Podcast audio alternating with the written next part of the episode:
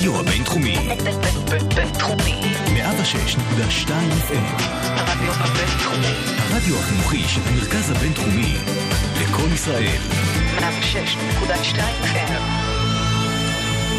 היום בחמוצים נדבר על הקורונה, הקורונה מרימה את הראש, או שמא לומר האומיקרון מרים את הראש.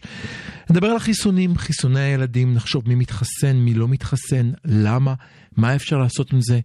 נדבר קצת על איכוני השב"כ ואיך דברים שרואים משם לא תמיד רואים אותם מכאן. נדבר על אימת הבידוד, על תחושת ההמתנה ואולי תחושת המחנק שצפויה לנו כשיסגרו לנו אם יסגרו לנו את נתב"ג. התחמקנו מזה ארבעה פרקים, אין ברירה. היום פרק הקורונה. מתחילים מיד. החמוצים. המערכת הפוליטית על ספת הפסיכולוג. עם הפרופסור בועז בן דוד והפרופסור גלעד הירשברגר. שלום גלעד, מה שלומך? שלום בועז ושלום למאזינים. אומיקרון למאזינים, כבר אי אפשר להגיד שלום למאזינים, זה השם החדש אומיקרון, נו, איך קוראים לו? אז אה, זהו, אני מוכרח להגיד שיש דבר אחד במיוחד שמטריד אותי בשם החדש של הווריאנט החדש, כן. והוא אה, מה קורה כשמגיעים לסוף האלף-בית. אל תדאג, הם ימצאו לנו פתרון, אני חושב אני מקווה, זה מאוד אה, מטריד העניין הזה שכבר קפצו כל כך הרבה אותיות קדימה. מה, מה בא אחרי דלתא במקור? לא אומיקרון בא אחרי דלתא במקור? לא, למדה בא אחרי דלתא. למדה בא אחרי דלתא, כן. אוקיי, אני, אני אחזור לימודי היוונית לא, שלי. ציפינו שזה יהיה יותר הדרגתי, אבל פתאום 50 מוטציות וכל מיני דברים כאלה. אי אפשר לדעת. אז בוא, בוא נתחיל בבסיס של הבסיס. אה, אין לי כאן מה, בדרך כלל אני מנסה ל, ל, לפרשן קצת את החדשות, אבל כאן באמת אין לי הבנה או מושג. כל מה שאנחנו יודעים זה הדבר הבא, מגיעה מוטציה חדשה לישראל, זוהו שניים. כפי שאני מתבשר ממשרד הבריאות ומשרת הפנים, כל מה שאני יכול לומר, זה מה שהם אומרים, זה שישראל היא מהראשונות לרצף את זה, לבדוק גם את הנושא הזה בכל בדיקות היום שנמצאות, גם ייבדק המוטציה הזו ולא סתם מוטציה רגילה. מדינה אחת כבר סגרה את שעריה בפנינו ואולי עוד אחת מונעת מישראלים להגיע, אנטישמים כמובן. ברור. ברור. אנחנו כבר הודענו על שלושה ימים ועל איכוני שב"כ, אבל רק למי שחשוד באומיקרון, לא על כולם, לא לתמיד, אל תדאגו, זה חמש דקות וזה נגמר. אבל כאן, אתה יודע, אתה התחלת. אתה התחלת מלומר אה, שאני לא יודע מה להגיד, כי באמת כן. אה, רב הנסתר על הגלוי כאן, אבל, זה לא רק אבל, רב הנסתר לגלות, זה גם מרגיש לי שזה עוד איכשהו, אם זה מדברים על פרשנות פוליטית, אני עוד איכשהו מבין מי נגד מי. פרשנות בריאותית, אני מרגיש ש... אבל קודם כל אתה לא לבד, גם אה, הרופאים והאפידמיולוגים והווירולוגים אה, מגרדים כרגע את הראש באזורים Mm-hmm. אחרים בגופם, כי הם אה, לא ממש אה, יודעים מה מצפה לנו, ויש כל מיני תרחישים שונים. כן. אבל זה נותן לנו יתרון כפסיכולוגים, כי אנחנו לא צריכים לנחש מה הולך לקרות עם הווירוס, ואין לנו את המנדט בעצם אה, לנבא כל מיני נבואות בריאותיות. מעולה. אנחנו יודעים דבר אחד. אנחנו יודעים איך, איך בני אדם מתנהגים בתנאים של חוסר ודאות, וזה מה שקורה כרגע. כרגע אנחנו נמצאים במצב כן. של חוסר ודאות מאוד מאוד גבוה. כן. יכול להיות שהווירוס יתפתח למשהו מאוד רע. יכול להיות שלא כצעקתה, ובכלל Mm-hmm. נכון. זה לא יהיה משהו כל כך נורא. נכון, נכון. יכול להיות שתוך כמה חודשים אנחנו נהיה במצב חירום, ויכול להיות שלא. אנחנו לא יודעים. אין לנו, כן. ש... אין, אין לנו שמץ של מושג, וכנראה שלאף אחד אחר אין. לא, אבל יש אבל מה יש לנו שאנחנו משהו כן יודעים, לעבוד עליו. מה שאנחנו כן יודעים, אוקיי. זה שבמציאות כזאת, שבה אנחנו לא יודעים לאן אנחנו הולכים, יש אוקיי. איזשהו איום שמרחף באוויר, שאולי הוא רציני, אולי הוא לא רציני, אולי הוא גדול, אולי הוא קטן, אנחנו לא יודעים.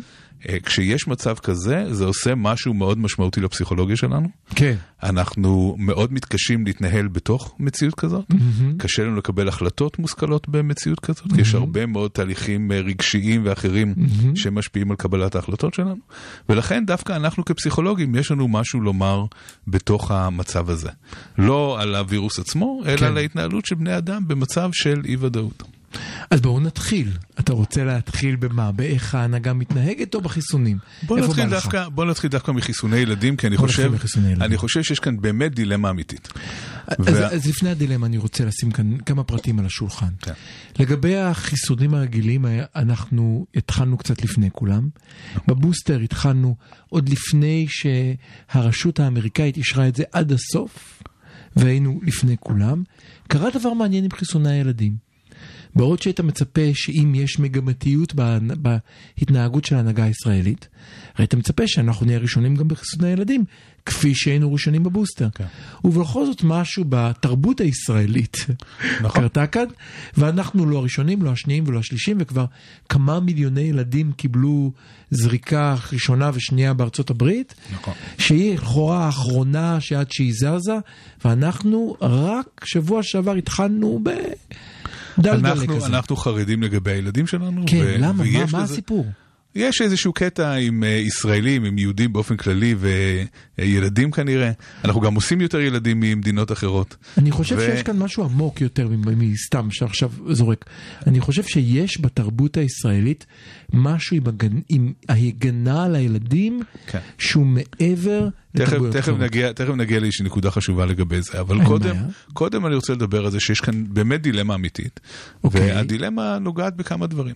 מהמם. מצד אחד, אנחנו יודעים שעד עכשיו, וכן צריך להגיד עד עכשיו, התחלואה אצל ילדים הייתה נמוכה מאוד, התחלואה קשה הייתה עוד יותר נמוכה, כן, ובסך אנחנו הכל... קצת בבעיה כאן, אבל אתה יודע מה הבעיה. רגע, רגע, תן, תן לשים את טוב. הדברים על השולחן כמו שהם. אוקיי. בסך הכל הנתונים הם כאלה שברור שה- שילדים, אה, גם ביחס למחלות אחרות, התחלואה שלהם היא יחסית קלה מאוד, אה, עד כמעט לא קיימת אצל רוב הילדים.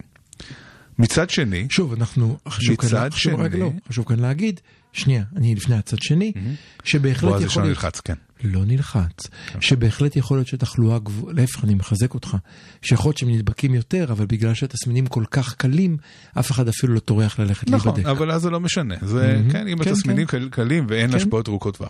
מצד שני, כן יש אחוז מסוים של ילדים שמפתח מחלה יותר קשה, עם תסמינים יותר ארוכי טווח, וכאן השאלה הנשאלת היא, מה הסבילות שלנו כחברה וכהורים לסטטיסטיקה הזאת? זאת אומרת, כן. מתי זה יותר מדי?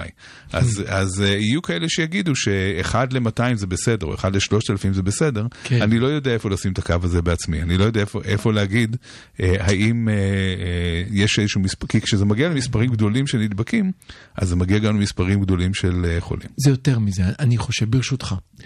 אני רואה כאן שני דברים, ואתה תהיה רגע החברתי ותתקן אותי חופשי.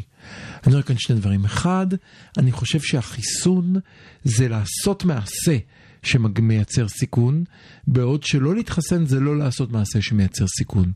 ואני חושב שיש בעיה עם לעשות מעשה, מאשר לא לעשות מעשה. אז אני רוצה בדיוק אחת. לדבר על הנקודה הזאת, אם אני יכול להמשיך אותך. קדימה. עכשיו אתה אמרת משהו שהוא מאוד חשוב מבחינה פסיכולוגית. ההבדל בין פעולה לאי פעולה. בדיוק. ואיפה שזה משפיע, זה על מימד פסיכולוגי נוסף, שקוראים לו anticipated regret, אוקיי. או חרטה נצפית. חרטה חרטה נצפית. נצפית. מה זה חרטה אני נצפית? צופה שאני הולך להתחרט. כן, זאת אומרת שאם חלילה יקרה משהו לילד שלך, באיזה מצב, איזה מצב יהיה בעיניך יותר גרוע? מצב שבו שלחת את הילד שלך להתחסן וקרה לו משהו, אהה. או מצב שלא שלחת את הילד שלו, שלך להתחסן וקרה לו משהו. הבנתי. וכאן ה-anticipated regret פועל שעות נוספות ומייצר הטיה קוגניטיבית. כן. למה? כי הנטייה שלנו היא להגיד, אם לא עשיתי שום דבר, אוקיי. וקרה משהו רע, זה מן הלאה. זה, זה אומנם רע מאוד, אבל זה לא אני עשיתי, אני לא, אני לא אצטרך להלקות את עצמי ולהרגיש רגשות, רגשות אשם על זה שעשיתי מעשה. מעניין. זה מן הלאה, זה משהו שקרה בעצמו. לעומת זאת, אם אני קיבלתי החלטה לשלוח את הילד שלי להתחסן, וחלילה יקרה לילד הזה משהו, זה כבר אני. אני לא אוכל להתחמק מתחושת האשם. תחושת האשם. אוקיי. זאת אומרת, זאת אומרת, ומה עם עכשיו למה כן. זה חשוב? ה- מאוד מאוד חשוב מה שאמרת למה זה. חשוב ההטייה הזאת? כי מה שהיינו רוצים שיקרה, היינו רוצים שכל אחד יעשה את החישוב של סיכון מול סיכוי, כן. וכל אחד, דיברנו, התחלנו מלדבר על, אה, על קבלת החלטות ברמה של חוסר ודאות. כן. ו- וזה הקושי הגדול. אנחנו נמצאים במצב של אי ודאות.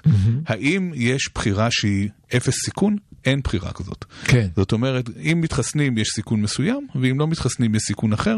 כמו שזה נראה כרגע, הסיכון מהחיסון הוא נמוך משמעותית מהסיכון מאי החיסון, וההחלטה הלוגית לכן צריכה להיות ללכת להתחסן. לפי, חשוב כאן להגיד, אבל לפי מיטב הרופאים גם אם בארץ וגם אנחנו, בעולם. אם כן. אנחנו מסתכלים על ה-anticipated regret, זה מכניס כאן עוד פקטור למשוואה, זה גורם אוקיי. לזה שתהיה לנו נטייה לא לרצות לחסן, כדי לא להרגיש שאנחנו חלילה אשמים במשהו שיקרה לילדים שלנו.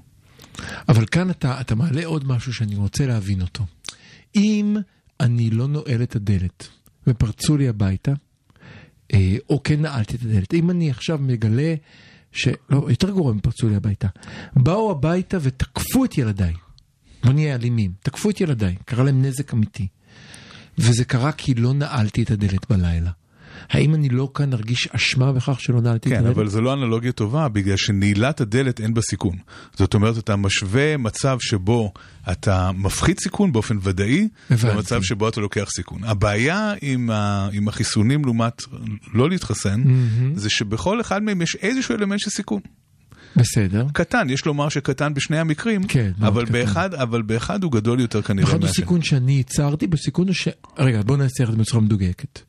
באחד זה סיכון שאני ייצרתי, בשני זה סיכון שאני לא מנעתי. נכון. ואתה אומר שהתחושה שלי שאם ייצרתי סיכון, אני אתחרט על כך יותר מאשר אם לא מנעתי סיכון.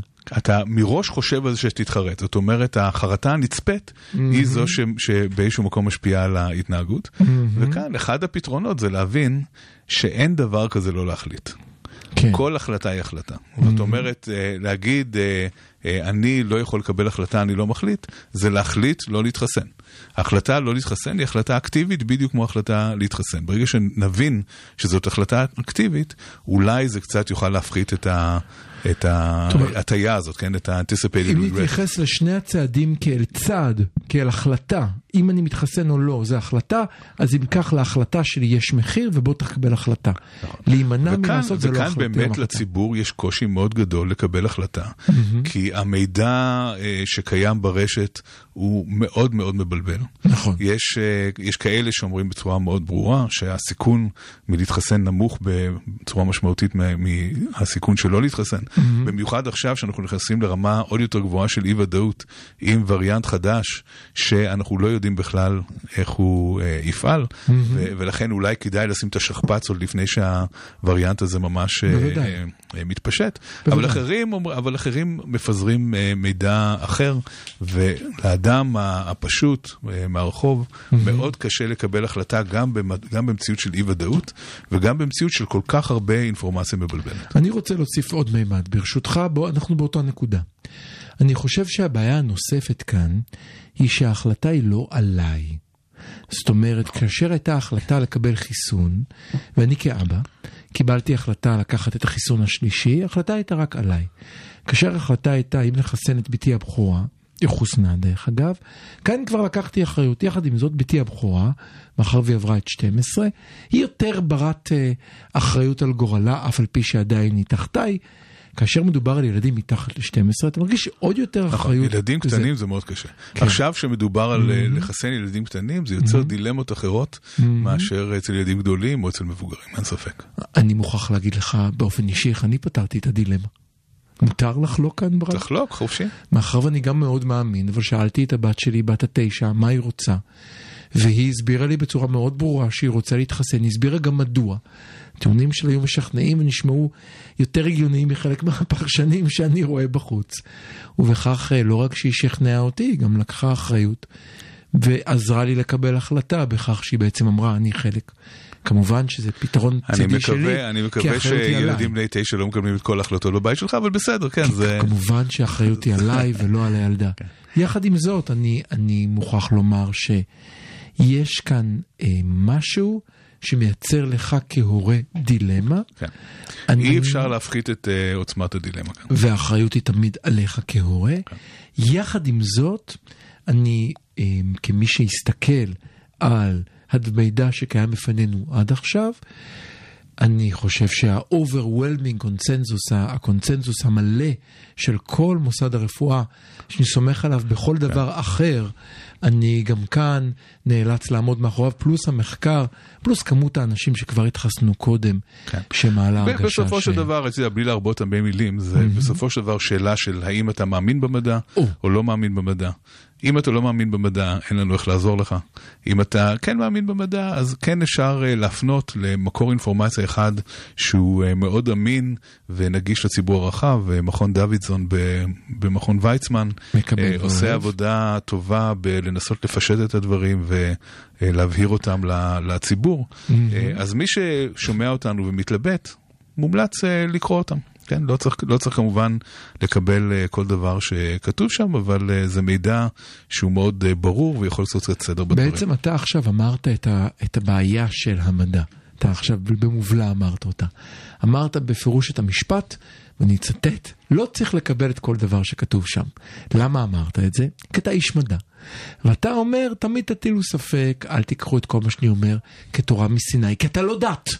לו היית דת, חייך היו פשוטים. נכון, היית אומר ספק. לאנשים, אלוהים אמר, ונשמרת לנפשותיכם מאוד, זה אומר להתחסן. אני הרבה. הרבי אה, הירשברגר אומר תתחסנו, לכו תתחסנו, היית סוגר עניין. נכון. קשה להגיד לאנשים כמדע, תסמכו עליי, לכו תתחסנו, כאשר בתוך המדע קיים הבסיס שהוא אומר, תטילו ספק, הבסיס הספקני, תבדקו, וזה שאנחנו שאלות. יודעים, וזה שאנחנו יודעים שכל הדברים הם אף פעם לא 100%, כן? הם, הם בסופו של דבר הסתברותיים, הם סטטיסטיים, הם, אה, כשהם כולם מתכנסים יחד, הם נותנים איזושהי תמונה שהיא יחסית חזקה, אבל אה, זה לא, כמו שאמרת, זה לא דת, זה לא חד משמעי, וה, ו, וכאן באמת יש בעיה מאוד גדולה של אה, מצד אחד ה... החשיפה של האוכלוסייה הכללית למה שקורה היום במדע, לבין הדרישה של מדענים שיקשיבו להם. מצד אחד, מה שאנחנו שומעים, הרבה, מי שעוקב אחרי מה שקורה במדע בעשור האחרון אה, במיוחד, יש הרבה שאלות על רפליקציה, מה משתחזר, מה לא משתחזר. אבל זה רק במדע יש- שלך גלעד, זה פסיכולוגיה חברתית, זה לא קורה סליחה, אצל אחרים. בכל, בכל אה, תחומי המדע אנחנו רואים את הבעיה הזאת. אה, ויש הרבה שאלות והרבה דיבור על, על זה שדברים צריכים להיות יותר פתוחים ויותר נגישים ו- וכולי. זאת אומרת שהמדע מטיל ספק בעצמו כל הזמן, לא מתוך מקום של לערער את עצמו, אלא מתוך מקום של לשפר את עצמו. אבל זה הבסיס של מדע, זה בוודאי. המהות של מדע. אתה- אם עכשיו.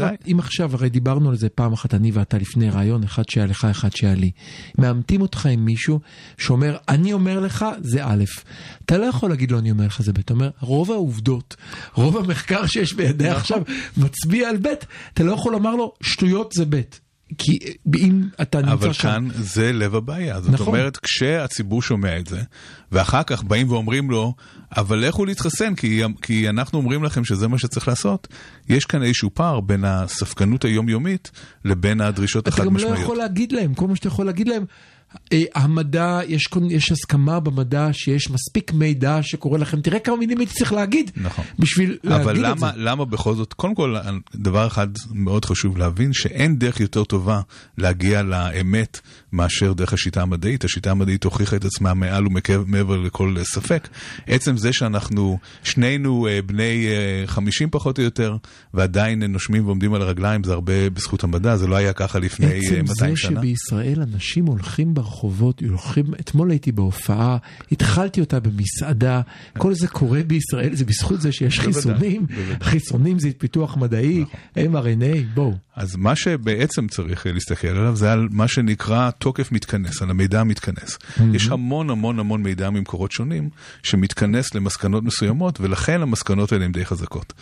כל העניין של החיסונים, וגם של חיסוני ילדים, אה, הוא פועל יוצא של התהליך הזה, ומי שסומך על המדע, אה, זה אומר שגם כשהוא ירגיש רע מאיזושהי סיבה אחרת וילך לבית חולים, צריך אה, לסמוך על המדע גם במקרה הזה.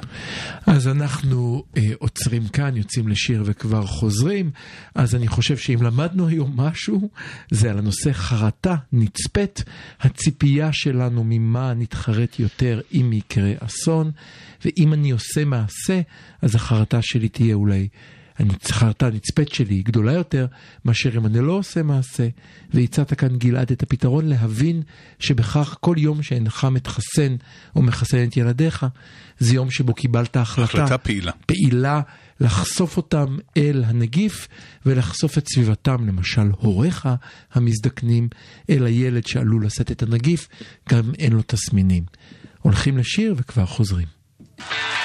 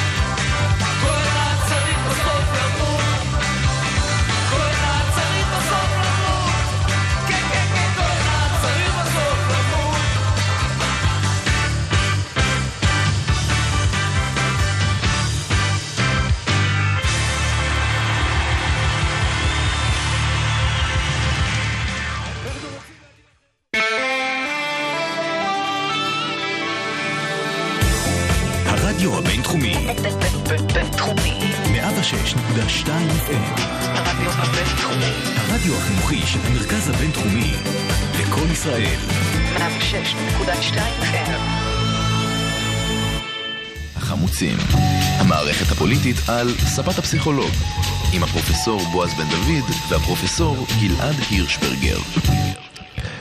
שלום גלעד, חזרנו אחרי הפסקה. ו- שלום שלום.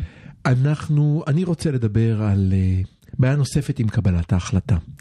הרי אה, כאשר אני מחליט אה, האם אני עושה ביטוח אה, דירה משוכלל יותר או פחות, אוקיי?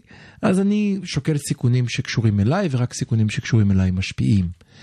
אם אני מחליט האם אנחנו משפצים את הבניין המשותף או לא, דילמה שעכשיו קיימת בבניין שבו אני נמצא, זה החלטה של כל דיירי הבניין ביחד והתנהלות שלנו מול העירייה. לעומת זאת, אנחנו רואים, מיטב המידע שיש בידי- בידינו כרגע מראה שהבעיה עם חיסונים היא כמה אחוז מהאוכלוסייה מתחסנת.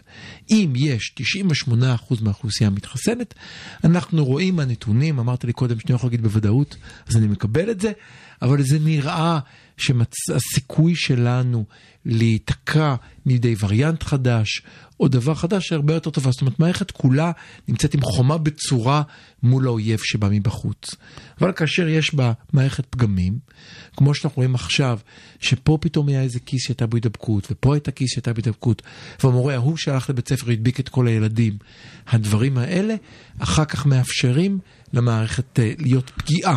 אז כן, אבל אתה עכשיו מדבר עדיין ברמה מתחיל. שהיא מאוד לוקאלית. אני מתחיל ברמה הלוקאלית. אז זה התחלנו ברמה הלוקאלית. אנחנו מבינים שברמה הלוקאלית, אם כולנו מתחסנים, אנחנו במקום אחר מאשר חלק מתחסנים וחלק אומרים אני טראמפיסט, אני אצא לבלות בכיף כי אתה התחסנת ולכן אני יכול לצאת לבלות. אני מבין שאתה מכאן רוצה ללכת לנקודה הבאה של האחריות שלנו אה, כעולם וכחברה באופן כללי. זה לא רק עניין של אחריות. אוקיי. אם זה היה שאלה נכנסים. רק של אחריות, אז uh, אתה יודע, אנחנו לא כאלה אלטרואיסטים, כל מדינה דואגת לעצמה, זה דבר שהוא מאוד uh, טבעי ומובן מאליו. וראינו אותו אני- דרך אגב בתחילת הקורונה על סטרואידים. כן, נכון, זאת אומרת, מדינות דאגו לעצמן. כן, גם, גם אנחנו, הריעו. כאן לביבי על זה שהוא הביא את החיסונים אה, ראשון. ובצדק. ונכון, בצדק בעניין הזה, כי כל אחד, במיוחד במצב חירום, שיש משאבים אה, מוגבלים, כל אחד רוצה לדאוג לעצמו. אבל אנחנו היום נמצאים מול אה, איום. שאי אפשר להתנהל מולו ברמה הלוקאלית. הוא מחייב התנהלות גלובלית, וזה מביא אותנו לעוד תופעה פסיכולוגית מעניינת, שנקראת הטרגדיה של ההמונים, The Tragedy of the Commons. רגע, דקה לפני הטרגדיה של המונים, בוא נסביר למה חייבים להיות כולם מעורבים ביחד. אז בוא, בוא נסביר באמת. אז בוא נתחיל זה בזה. לא, זה לא מקרי בכלל שהווריאנטים החדשים מגיעים מהעולם השלישי. מגיעים מהודו, מגיעים במקומות, מאפריקה, כן. ולא מגיעים במקרה מקנדה. נכון, אה, זה קורה בגלל שאם ניקח את דרום אפריקה בתור דוגמה ל- למדינה שממנה הגיע הווריאנט הזה, יש שם משהו כמו 9% אה, מחוסנים. כן? ישמור. עכשיו, אה, אה, יש שני דברים, יש שני דברים שאמורים לעמוד כחומה מול אה, מוטציות של, של, של הווירוס. אחד מהם זה החיסונים, והשני זה הדבקות קודמות בווריאנטים הקודמים, בדלתא. ומה שכנראה מדאיג בווריאנט הנוכחי זה שלמרות שהדלתא התפשט בדרום אפריקה, ממה שאנחנו שומעים, ואני אומר את זה בזהירות כי זה רק דברים שקראנו ביום יומיים האחרונים, ברור. נשמע שה... הווריאנט החדש אה, הפך להיות הדומיננטי יותר, במהירות אה, די אה, גבוהה. ברור. ואז אז מצד אחד, יש, יש חומה אחת שלא כל כך עבדה, והחומה השנייה לא הייתה קיימת, כי לא היו שם חיסונים כמעט. אז חשוב להסביר מה, מה קורה כאשר יש הידבקות מאחד לשני, בדרך כלל נוצרים איזה שהן מוטציות. עכשיו המוטציות חלקם לא מעניינות, חלקם אפילו טובות לנו כי הן פוגעות בנגיף עצמו, חלקם מוצלחות. איזה מוצלחת? נניח אחת למיליון. נניח אחת לעשרה מיליון היא מוטציה ממש מוצלחת. אז בשביל שנגיע למצב הזה צריך עשרה מיליון נדבקים. איפה יש עשרה מיליון נבדקים? במקום שבו אנשים גרים בצפיפות, מקום שבו אין חיסון, מקום שבו אין הבנה והקפדה שצריך מסכה, צריך לשטוף ידיים, כל הדברים האלה. כן, בקיצור, בעולם השלישי. לכך שהזנחת העולם השלישי חוזרת לעולם המערבי, כמו עם הפליטים, חוזרת לעולם לכן, המערבי ודופקת לכן, בדלת. לכן אה, התייחסות למצב התחלואה בעולם השלישי, זה לא מתוך אה, איזשהו אלטרואיזם. אלטרואיזם, כן. ולא מתוך חמלה, ולא מתוך מקום אה, כזה כן. של לעזור לאחר, אלא זה חיוני לגמרי כדי לעזור לעצמנו, אנחנו צריכים לעשות סוויץ' ולהתחיל לחשוב יותר על האנושיות המשותפת שלנו, ולחשוב על זה שאנחנו מתמודדים מול משהו שלא אכפת לו מגבולות, ולא אכפת לו ממדינות, ולא אכפת לו מצבע עור, ולא אכפת לו ממין ומדת ומאידיאולוגיות, לא אכפת לו משום דבר. כל עוד אתה יצור אנושי שיכול אה, להידבק בדבר הזה, אתה אה, קנדידט מצוין להדבקה. אני רוצה לעצור כאן, ואז דיברת על איזה מונח שזרקת קודם, טרגדיה של ההמונים. כן, אז כאן- אנחנו תכף ניגע בו שנייה, אבל אני רוצה לעצור כאן, כי אמרת משהו נורא משמעותי. אני רגיל לשמור על הבית שלי. אני שומר על המשפחה שלי. אתה גרמת לי, אמרת לי, בועז, לא, אני רוצה שתהיה שבט. אין לי בעיה, אני שומר על השבט שלי. אמרת לי, לא, בועז, מקימים מדינה. אמרתי, אוקיי, אני מוכן לעשות ארבע שנים צבא בשביל להגן על המדינה שלי, על הלאום שלי. אני יכול לקבל את זה. עכשיו אתה אומר לי, לא. בועז, אני רוצה שאתה תגן על כל כדור הארץ, ואותם אלה שאתמול היו אויביך, עכשיו אתה צריך לשלוח להם חיסונים, כי אם ברשות הפלסטינית תהיה התפרצות, זה נכון. יגיע אליך בחזרה. לגמרי. אבל כן כדאי לחסן אותם. אנחנו, אומר, למה? יש, יש כאן שיעור שאנחנו לא לומדים אותו, שמדינות העולם לא לומדות אותו. לפני שנתיים בדיוק מהיום, ישבנו וצפינו בטלוויזיה בכל מיני סינים נחנקים מול אה, בתי חולים נכון, בוואן. נכון, נכון. והסתכלנו על זה בחצי עניין. הם לא נראים דומים ואמרנו- לנו, הם לא ואמרנו, מדברים שפה של אוקיי, בני אדם איזה, מבינים." איזה באסה, איזה מי באסה. הם? ברור. עכשיו עברו שנתיים מאז, ואנחנו כבר מבינים שכשאנשים חולים באיזה עיר אה, בסין, כן. אז זה צריך גם להטריד אותנו, ואנחנו צריכים גם להבין שאם אנשים חולים באיזשהו כפר או עיר באפריקה, זה גם צריך להטריד אותנו, כי המהירות שבה וירוס אה, מגיע היא מאוד גבוהה. אה, מאוד מאוד קשה לחסום כניסה, אנחנו כבר רואים, למרות שכל האנטנות אה, למעלה וכולם... בניו זילנד הם לא מצליחים לחסום את עצמם, ולהם הכי קל בעולם לחסום את עצמם. עכשיו, כשמדובר בווירוס, אם באמת מדובר בווירוס שקצב ההתפשטות שלו הוא גבוה בכמה אה, דרגות מהווירוס, מהדלתא שאמור להיות אה, וירוס.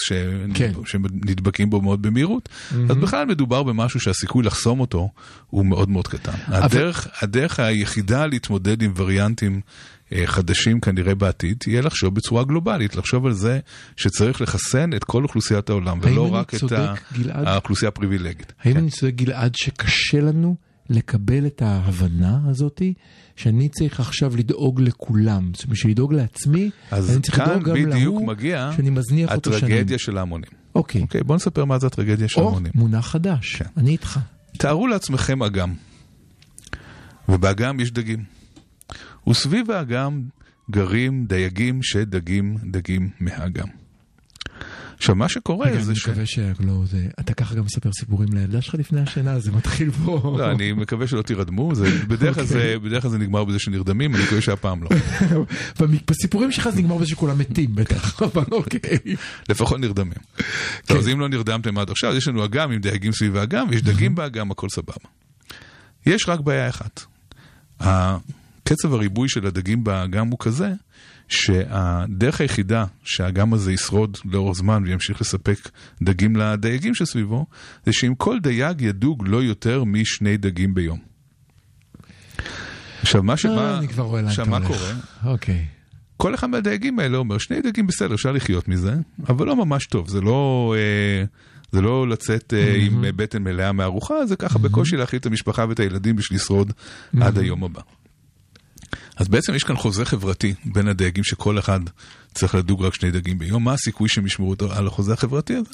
לא מאוד גבוה. אנחנו ראינו דייג- את אה, גורל הקיבוצים בישראל. כן, דייג אחד יבוא ויאמר, אני לא יכול, יש לי ילדים שהם קצת יותר רעבים, עכשיו בגיל ההתבגרות הם גדלים, כן. אני חייב לדוג עוד דג אחד. אין מה לעשות. הדייג השני יגיד, אה, אני מתאמן למרתון אה, תל אביב, אני, זה לא מספיק לי לאכול אה, רבע לא, דג צריך- צריך לארוחת ערב. הרבה חלבונים. אני צריך אה, דג לעצמי, אני אדוג. ארבעה. בקיצור, מה שקורה זה שלאורך זמן, לא, אתה שכחת שהדייג יש- הרביעי אומר, אני לא אצא פראייר, כי השלושה הראשונים דגו יותר. נכון, נכון, בישראל הוא אומר אני לא אצא פראייר. ברור. בקיצור, מה שקורה זה שכל אחד מנצל את המשאבים יותר ממה שצריך, ובסופו של דבר האגם אין בו דגים.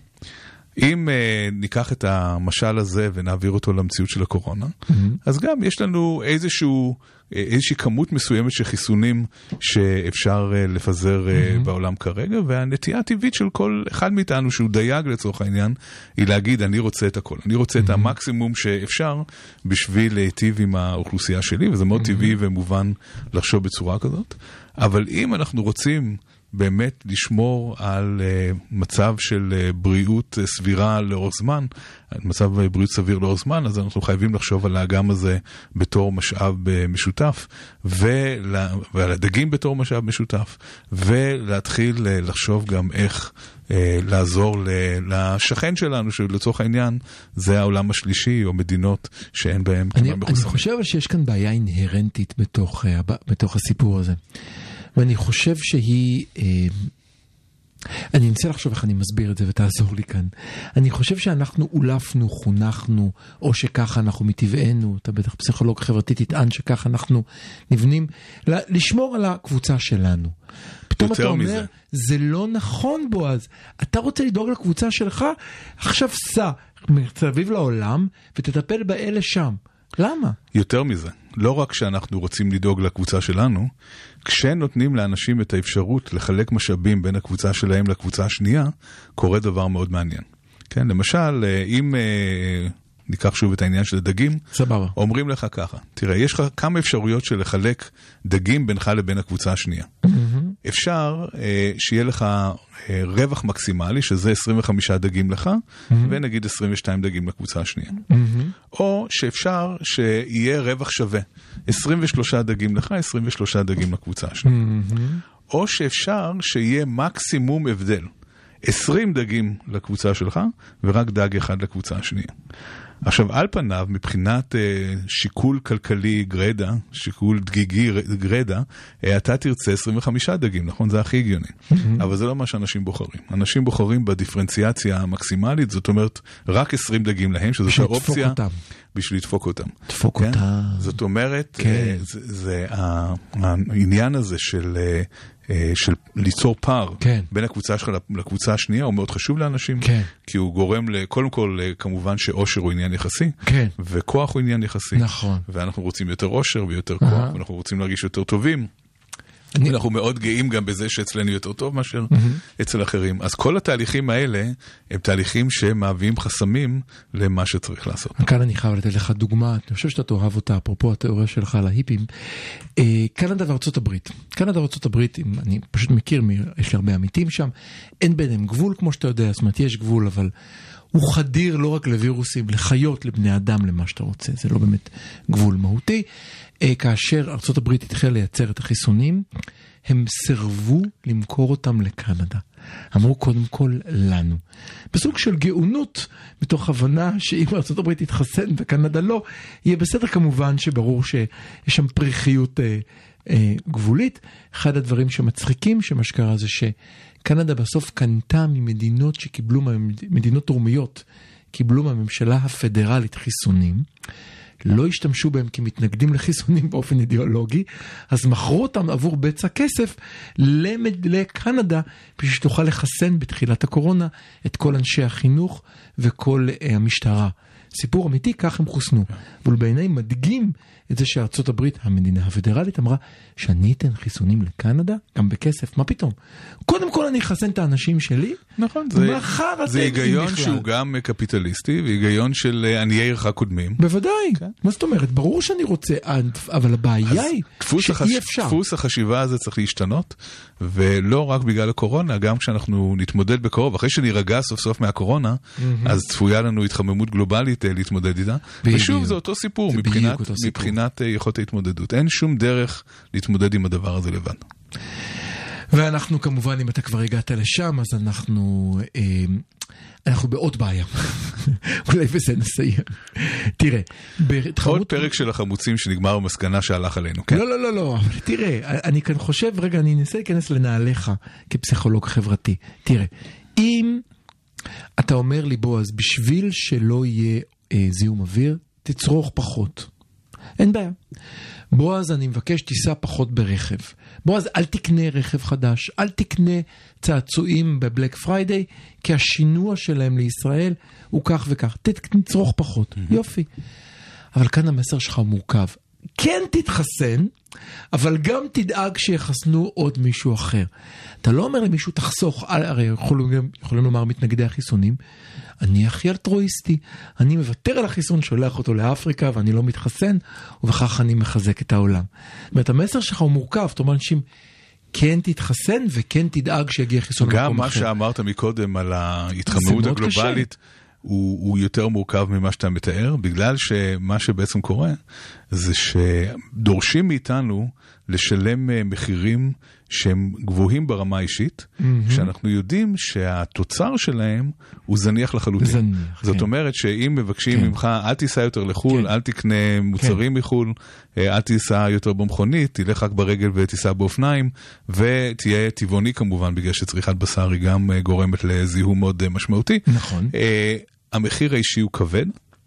והתרומה שלך לבעיה היא זניחה לחלוטין. כאינדיבידואל. כאינדיבידואל. כן. אם מעכשיו תעשה ההפך, גם הנזק שתעשה הוא- הוא יהיה מאוד קטן. כשאתה מתעלם כן. מהעובדה שכשאתה כאינדיבידואל אנשים רואים אותך מסביב ואתה משפיע על הסביבה. אוקיי, אבל- אז כאן, אז זה בדיוק העניין. זאת אומרת שברמה האינדיבידואל, האינדיבידואלית, ההשפעה שלך היא מאוד זניחה, כשהמחיר שאתה משלם ברמה האינדיבידואלית הוא מאוד גבוה, Mm-hmm. ולכן מאוד קשה לבצע את זה. אבל, תגיד את האבל, לא, אתה לא אל תשאיר את אבל הוא מאזיננו כמובן שאם באוויר. כולם יעשו את זה, כן? לא, אבל זה יותר מזה, זה לא רק כולם. אני חושב שאנחנו מתעלמים כאן בכך שאנחנו לא בפיזיקה. אתה לא גוף חסר מימד שעומד במרחב באוויר ואז מוסיפים לו גרביטציה. כאשר אני הולך ויורד למטה ומפריד בין הפלסטיק לנייר, השכן שלי רואה את זה והילדות שלי רואות את זה ועוד שכן רואה את זה. ואז אני כן. לא רק, מש... בעצם מהמעשה שלי, אני גורם לעוד אנשים להגיד יואו. איזה מביך, למה אני לא יכול לזרוק את הפלסטיק כמו בועז? אז אם עוד לכן אחד יעשה את זה ועוד לכן אחד, באמת אנחנו רואים שבמקומות שעושים דברים כאלה, הרבה אנשים עושים דברים כאלה, וזה באמת נותן איזושהי תחושה של אפקסי, תחושה שאפשר באמת אה, לשנות ולייצר אה, שינוי. במקומות שאתה לבד עושה את זה, אתה מרגיש כאילו שאתה חסר השפעה לחלוטין. חוץ מאיזה ניקיון מצפון. אולי, אבל כן. שוב, אנחנו, אני חוזר, אני עדיין לא חושב שפתרנו את הבעיה. אפרופו הלך עלינו. זה כאן הרי המסר הוא... אנחנו אמורים לפתור כן בעיות פה בתוכנית? לא- ולא- לא- לא הבנתי כן. את זה. טוב, אנחנו יוצאים להפסקה קטנה, אנחנו נדון בינינו ובין עצמנו איך מתמודדים אנחנו את טובים הבעיות. בלהעלות בעיות על השולחן, שמישהו אחר יפתור. אותן. ונמשיך לדבר, אולי עכשיו נדבר קצת על איך אה, ההנהגה החדשה מתמודדת עם הקורונה החדשה. זוכר את הספר איך לנצח מגפה? יש ספר, בוא נראה. הכל עובד- כתוב. עובדים איתו, כבר חוזרים.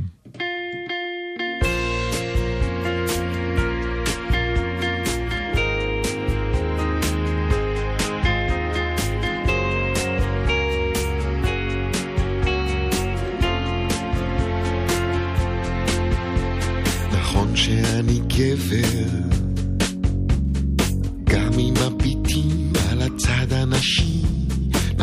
שזה מכבר אינני ילד, גם אם מדברים על הילד שבפנים, נכון, עברתי דברים בחיים, גם אם מביטים בראי הדורות, נכון שצימחתי לי אור קצת עבה, כדי שלא להיות כמו ציפור בלי נוצות. אבל אני עדין, ויש לי רגשות, תגידי לי דברים טובים, מילים נעימות, ותני לי את הגב, חבקי אותי עכשיו, כי קר לי נורא, בעין השיער, נכון שאני אבא, ראיתי אותם מגיחים לעולם, מתנתקים מכבל הטבור. דרכו הם היו מחוברים לאימם, נכון, למדתי לומר להם, זהו הטוב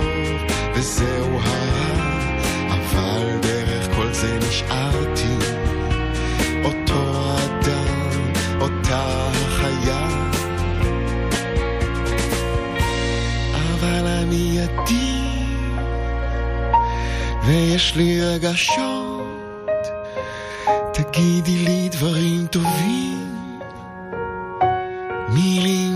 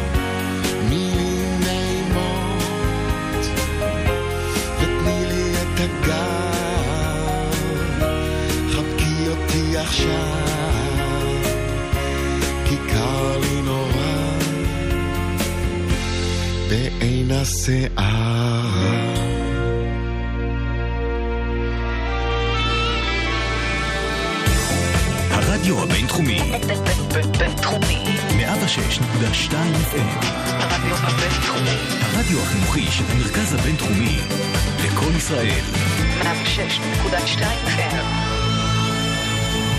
החמוצים, המערכת הפוליטית על ספת הפסיכולוג, עם הפרופסור בועז בן דוד והפרופסור גלעד הירשברגר.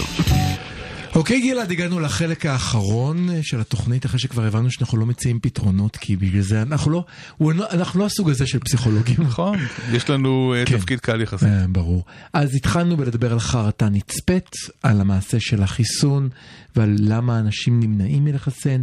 דיברנו קצת על ישראל כמדינה מיוחדת שמתייחסת אל הילדים שלה באופן אה, אחר אולי מהרבה מדינות מערביות אחרות, ועל כן אולי אנחנו לא הראשונים לחסן את הילדים, אבל הראשונים לחסן את הזקנים. והמשכנו בטרגדיה של המונים, שאולי גם משהו שהוא קשור לישראל. המדינה שלבדה יושבת ורגילה להיות אור לגויים, אבל בעיקר שהגויים יהיו שם ואנחנו נהיה פה. ושלא נצא פראיירים. ולפתע מבינה שדווקא כן לצאת פראיירים, זה לא לצאת פראיירים. זאת אומרת, לו כל העולם מתגייס ונחסן את אה, החצר האחורית של העולם, נגן על עצמנו מהזנים הבאים, כי לא נוכל לנצח לסגור את דלתנו, או אפילו לחסן את שכנינו ברשות הפלסטינית, שהגבול בינינו לבינם הוא כמובן חדיר לחלוטין, ואם שם יתפתח מחר אומיקרון או מה שלא יהיה, הוא יגיע אל לפתחנו. הגענו לחלק האחרון, אה, בואו נראה. אנחנו דיברנו על זה כבר כמה פעמים, שאיזה צמד חמד נהיה לו לנהל את משבר הבריאות בישראל. איש הימין, מנכ"ל יש"ע לצד נציג השמאל עלי אדמות. כאילו מצד אחד יש לנו... אבל דווקא בדיוק דיברנו על זה שמדובר באיום גלובלי. כן. אז uh, טבעי לגמרי ששני אנשים שהם שונים אידיאולוגית, כן. Uh, אין שום סיבה שהם לא יוכלו לנהל את הסיפור הזה בצורה לא, אבל, אבל אתה יודע, שזה- סבירה.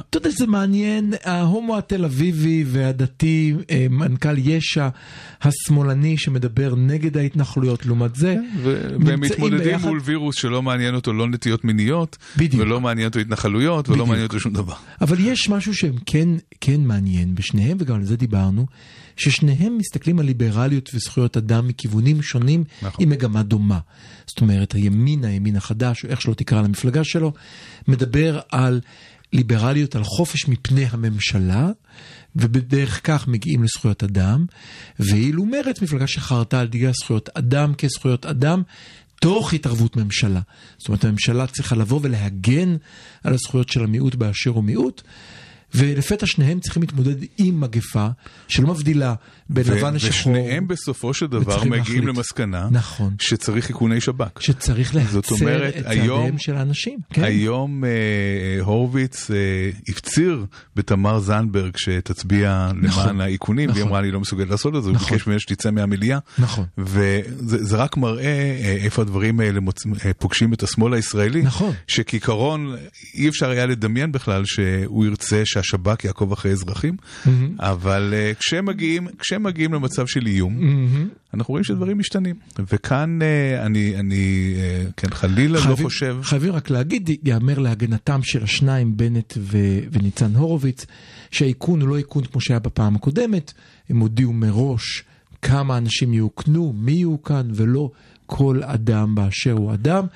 יחד עם זאת, אנחנו יודעים מה זה מדרון חלקלק, נכון, אנחנו יודעים מה זה נכון. שב"כ, נכון. וגם לא ראיתי, וכאן אני, אני קצת מזדעק, אני אזדעק בשקט, לא ראיתי שהקימו גוף מפקח שיבדוק מה בדיוק קורה. זאת אומרת, אם היה גוף מפקח, אפילו ועדת כנסת חשאית, תת ועדה חשאית, שיושבים בה באמת רק כאלה שספרו אותם, כי איזה שב"כ, שיפקחו ויסתכלו.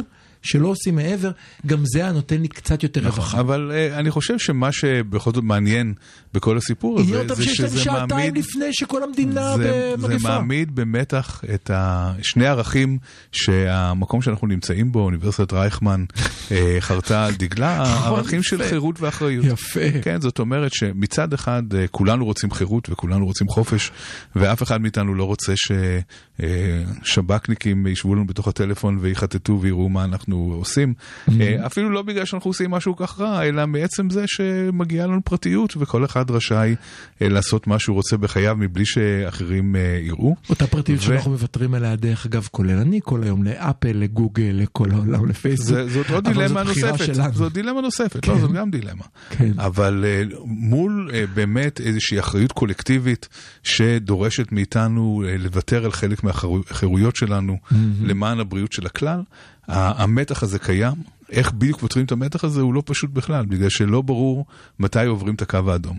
לא ברור אם עכשיו אה, אמרת שהאיכוני שב"כ שב"כ הם מוגבלים, האם הם באמת מוגבלים? האם באמת כשהשב"כ יעקוב אחרי הטלפונים שלנו ויגלה דברים אחרים שהוא לא התכוון לגלות, או כן. דברים משמעותיים, האם אה, הוא לא ייכנס לתוך הפרצה הזאת בגדר?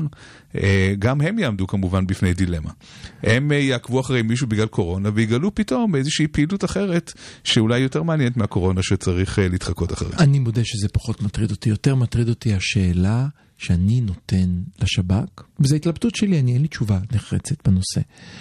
אני נותן לשב"כ אפשרות לעקוב אחריי בכל צעד שאני עושה, כי באותו רגע אני חשוד כנושא מחלה. מצד שני, מצד שני, אני גם רואה את שני הצדדים, זאת אומרת, קשה לי מאוד עם מה שאני אומר עכשיו, אני יותר נוטה לצד הראשון, אבל אני מנסה רגע להתבגר, ולהגיד שמצד שני, אם יש לי כאן אפשרות למנוע את התפרצות הזן הזה, שמסכן את האוכלוסייה, במיוחד את האוכלוסייה המבוגרת, את החולים, את אלה שמנועי חיסון, יש כאן אחריות. אנחנו אפילו עוד לא יודעים מה הזן הזה מסכן ואם הוא מסכן. כן. זאת אומרת, אנחנו כבר באיכוני שב"כ, עוד לפני שיש, שיש לנו איזשהו מושג. כי זה הזמן זאת לא היחיד. החלטה בלתי סבירה. זה הזמן ב- היחיד, נכון. בעוד שבועיים זה כבר לא מעניין, אין מה לעשות אותם בעוד שבועיים, בעוד שבועיים כבר אין מה. לעשות, נכון. עשו אותם, איכנו אותי כאשר היה כבר, כל המדינה הייתה, נו, מי זה מעניין? מעניין עכשיו. נכון, זאת אומרת שעדיף לעשות כרגע false alarm, כן. ו, אה, ואולי אה, ללכת חזק מדי אה, ומהר מדי, מאשר לחכות, כי אי אפשר לחכות. אם, אם נחכה ובאמת הזן הזה הוא מסוכן כפי שחלק חוששים, אז, אז אנחנו בעצם לא בדקה ה-99, עברנו אולי את הדקה ה-99. זה, אבל קטע, שוב, זה, זה, זה כמעט, אם זה לא היה מציאות, זה היה מעניין כאתגר ספרותי, תיאורטי, פילוסופי. קח אדם שיותר מתאים להיות ליברטן אמריקאי, שאומר המדינה לא תעקוב אחריי, לא תתערב עליי, תנו לי את הזכות להחזיק בנשק. איתו שר בריאות שאומר, צבא, שב"כ, יפגע בזכויות האדם, בזכויות האזרח, בחיים לא. שניהם יושבים ביחד ומחליטים על איכוני שב"כ. נכון. וזה רק מראה כמה שכל הנושא הזה של דמוקרטיה וזכויות אדם וזכויות אזרח, זה נושא מאוד מאוד פריך, שגם האנשים שלא היית מאמין שיקחו, יקבלו איזשהם פשרות בנושא הזה, מספיק איום, ולא האיום הכי אה, נורא בעולם, אה, איום מתון, כדי שכל הסיפור הזה יתפרק ושאנשים ייטו לוותר על הזכויות האלה. זה רק מראה כמה שזאת פריבילגיה, שאנחנו חיים בעולם שיש בו את הזכויות האלה. כמה זו פריבילגיה שאנחנו חיים בעולם שיש בו זכויות אדם שמגינים עלינו בפרטיות. אתה צודק, ואני... אם לייצ... אם, כן. אם אה, אפשר אפילו לתאר את זה אחרת, אם מסתכלים על כל ההיסטוריה האנושית, פרק הזמן שבו אה, יש זכויות אדם וזכויות אזרח והכרה בזכויות אדם וזכויות אזרח, זה פרק קצרצר מאוד בהיסטוריה, זה מהמאה, בוא נגיד שזה זה בא לידי ביטוי בעיקר במאה ה-20, אולי קצת אה, לפני זה. לא, יש לך קצת במאה ה-19. תראה, אפשר, אתה יודע, אתה יכול ללכת כל הדרך למגנה קרתא, לא, אבל אני, ו- אני, אני ולדבר בטח- על... אולי הייתי מתחיל ביום שבו ילדים הפסיקו לעבוד 12 שעות ביום. אני חושב שזה אז תחילת ה... במאה ה-19 כן. אתה מתחיל לראות כן, את זה. אני חושב ששם. הסוציאליזם אה, בעצם כן, אה, כן, אני חושב ששם זה. ההתחלה הזאת. יש זכויות אדם ואזרח גם לפני זה, אבל אתה רואה את הביטוי האמיתי שלהם בעיקר במאה ה-20, זאת אומרת, בפר... וגם לא בכל המאה ה-20, בפרק זמן מאוד מאוד uh, קצר. כן. Uh, וזה סוג של נס. וגם לא בכל העולם, וגם לא בכל. העולם. וזה סוג של נס, צריך להכיר בזה, שזה סוג של נס שהוא אנומליה בהיסטוריה האנושית, ואנחנו אה, צריכים אה, להגן מאוד על העניין הזה. גם, גם אם אה, יש איומים, אני לא אומר כרגע שלא צריך להשתמש בשב"כ, אני רק אומר שצריך כל הזמן להסתכל במראה האחורית ולהיזהר ולהבין שיש כאן מדרון חלקלק. בעצם אתה אומר, אני רוצה שיהיו זנדברגים בעולם. סליחה על הזה. היא לא כל כך עזרה. אני, אני מבין מה אתה אומר, אבל אני רוצה, שיהיה, אני רוצה שיהיו זנדברגים בעולם. אני רוצה שיהיו אנשים שיצעקו ויגידו, תעצרו שנייה לפני, ולא כולם ירוצו לעשות. אני גם רוצה, אם צריך אני לעשות רוצה את שנהיה השב"כ. מודעים, גם אם נחליט כולנו שאין ברירה במצב הנוכחי אלא כן. להשתמש בשב"כ, ויכול להיות שזה המצב, יכול להיות כן. שאין ברירה. אה, שתהיה איזושהי מערכת של איזונים ובלמים, כמו שאתה אמרת, שתהיה איזושהי ועדה מפקחת. שיהיה, שיהיה מישהו שידע לכבות את השלטר הזה כשהמגפה הזאת תעבור. בעצם הנקודה שהעלית היא אותו מדרון חלקלק, שאם בעקבות איום א' אני מוכן לוותר על הזכות א', האם מחר אוותר על הזכות ב' מצד אחד, מצד שני, אותה אחריות הדדית שדיברת עליה. כלומר, אני מודה שאם מחר יגלה שאני חלילה וחס נשא של משהו שיכול להיות פיישנט איקס שיפיץ את כל המדינה באש, אני מוכרח, מוכן לתת uh, לרשויות, קחו את הטלפון שלי, תגידו איפה הייתי בשבוע האחרון. בואו נגיד לכל האנשים האלה להיכנס לסגר ונציל את המדינה. בוודאי. אבל אנחנו מכניסים פה לסבוכת שהקורונה מכניסה אותנו. אם התחלנו באחריות גלובלית, חזרנו עכשיו לאחריות לוקאלית. הקשר הזה בין איום לבין אה, זכויות וחירויות הוא קשר מאוד מעניין, וברגע שמופיע איום, אז אה, מאוד מאוד מאוד מאוד קשה להחזיק בזכויות והחירויות האלה, ואנחנו רואים את זה במהלך ההיסטוריה, כן? מדינות שהיו חופשיות, שנתקלו באיזשהו אה, איום מסוים, ומהר מאוד ויתרו על החירויות שלהם. האם מדינות, אה, טוב, אני עכשיו, אני עכשיו אשאל אותך שאלה, מקווה שהטענתי, תוכל לענות לי. אם אני מסתכל עכשיו, ניקח שתי מדינות קיצוניות, ארה"ב וסין, אוקיי? ארה"ב אה, לספר, תעשה מה שאתה רוצה, אני לא אתערב לך, אנחנו רואים, הם עדיין קוברים מתים מקורונה ברמה יומית. סין אומרת, אה, אם אתה תצא מהבית, נירה בך. פיזית, נירה בך, לא כמטאפורה. אה, רחפנים יורים סין, לך. סין הודיעה היום אגב, אני לא יודע אם קראת את זה, סין הודיעה היום שלפי מודלים שלהם, אם הם אה, יקלו אפילו במעט במדיניות המאוד מאוד נוקשה של אה, כניסה לסין אה, שקיימת היום, אז אה, תהיה התפרצות אה, מטורפת של המגפה, אה, ו- ולכן הם מצדיקים את המדיניות שלהם של אם תצא מהבית נראה בך, כן, כמו שאתה קורא לזה. כן, אני, לא, כן. לא, אני לא בטוח שהגזמתי גם לפי שמועות שהיו. אה, טיפה הגזמת, אבל, אבל, ברור שיש כאן מדיניות מאוד נוקשה. דרך אגב, אה. במחקרים, במחקרים שאני שותף להם, שנעשו ברחבי העולם, אוקיי. על הקורונה, אנחנו מגלים דבר מאוד מעניין על היעילות של אה, משטרים אה, אוטוריטריים בשעות משבר. או, זה אומרת- בדיוק מה שרציתי לשאול אותך, אז הנה השאלה שלי.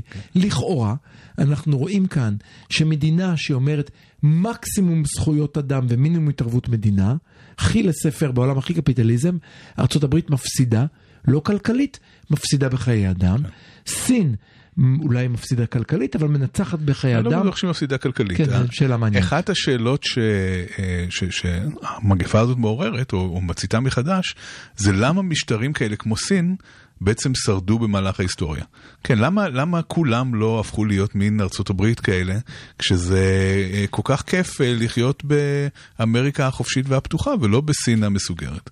והתשובה היא, אחת התשובות ש, שקיימות בספרות עוד לפני הקורונה, זה שמדינות אה, אוטוריטריות, מדינות טוטליטריות, כן. הן מדינות שיש להן היסטוריה של איומים קולקטיביים משמעותיים, ושזאת מערכת שלטונית שהיא אפקטיבית נגד זה, אז אולי פחות כיף ביום יום לחיות בסין מאשר בארצות הברית. כן. אבל כשיש איום, סין מתמודדת עם זה אולי יותר טוב מאשר ארצות הברית. זה מה שרציתי לשאול אותך, כי יש לי הרגשה שמצד אחד יש יתרון למדינה טוטליטרית מן הסתם, היכולת. אה, אני אגיד לך אבל- איפה החיסרון. אבל זהו, החיסרון הוא שסין גמישות. לא, סין לא תפתח את החיסון. גמישות. כן, מי שיפתח את החיסון זה במדינה קפיטליסטית שחברות כן. שמבינות את הפוטנציאל כן. הכלכלי יתחרו אחת נגד השנייה ויצרו תוך זה שני שנה טורקים חיסון שהוא... שברחו מטורקיה הדיקטטורית ועברו לגרמניה הליברלית, כן. ושם היה להם את החירות לפתח את החיסון. כן, אבל העניין של תחרות הוא מאוד משמעותי. אם מסתכלים על ההבדל בין אה, רפואה ברוסיה הקומוניסטית לבין, בברית המועצות לבין אה, ארצות הברית, הרפואה הקומוניסטית לא כל כך עבדה, לא כל כך עבדה. הם בסופו של דבר חיכו תרופות אמריקאיות, כי צריך את הדחף הזה של להצליח. צריך גם את, ה, את תאוות הבצע הקפיטליסטית של להבין שיש לך כאן אה, אה, שוק של מיליארדי בני אדם ש, שאפשר למכור להם חיסונים, כדי לרצות לפתח חיסון יעיל ומהיר ולהשקיע את הכספים בזה כרגע. אני, אני אוסיף עוד נדבך לדבריך, קצר. אני לא חושב שזה רק הקפיטליזם, זה גם הגמישות המחשבתית כן, שקיימת בהחלט. במקום שלא מכתיבים לך נכון, מה נכון. לחשוב, וכמי שעבד עם הרבה מאוד אה, אנשים שהיגרו מסין אה, לקנדה, אני חושב שראיתי הבדלים בגמישות המחשבתית כן. בינם לבין תלמידים שגדלו בקנדה. לגמרי. והנקודה הנוספת היא, ואמרנו את זה הרבה פעמים, ניצחון הסוציאליזם. אין מה לעשות, מדינות רווחה מתמודדות טוב יותר עם בעיות בריאותיות.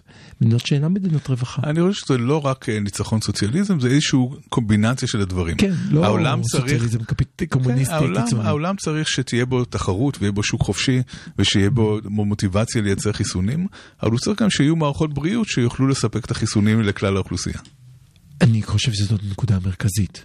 אם אתה אומר שאי אפשר לוותר על אלה שנמצאים בחצר האחורית, כי אז זה יפגע גם במי שנמצא ב- בשיא הפנטהאוז, נכון. אז מערכת חברתית, שיש מערכת רווחה, שיש ביטוח לאומי, שיש בתי חולים, כל הדברים האלה, ובסופו של. דבר יש בזה היגיון כלכלי. אם, אם היום אה, ישקיעו כמה מיליארדים ויחסנו את אה, מדינות העולם השלישי, כנראה שזה יחסוך את ההשלכות ארוכות הטווח של מגפה בלתי נגמרת, שעולה גם אה, כספים רבים.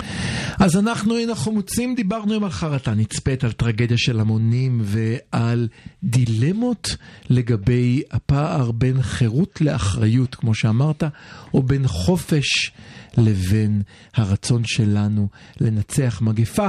אנחנו נחזור לכם בשבוע הבא, אולי בבידוד, אולי במסכות? אב"ח, ואולי אני מאמין, בדיוק כמו שאנחנו עכשיו. אנחנו מרשים לעצמנו לקרוא לכם להתחסן, לחסן את ילדיכם, חסנו את שכניכם. לכו התחסנו, הקפידו לעטות מסכה. ובואו נשמור על הנורמליות שנמצאים לנו עכשיו, כך שנוכל להיפגש גם בשבוע הבא בארבע. חפשו אותנו בכל אפליקציית פודקאסט, תעשו subscribe, ניפגש בשבוע הבא, להתראות.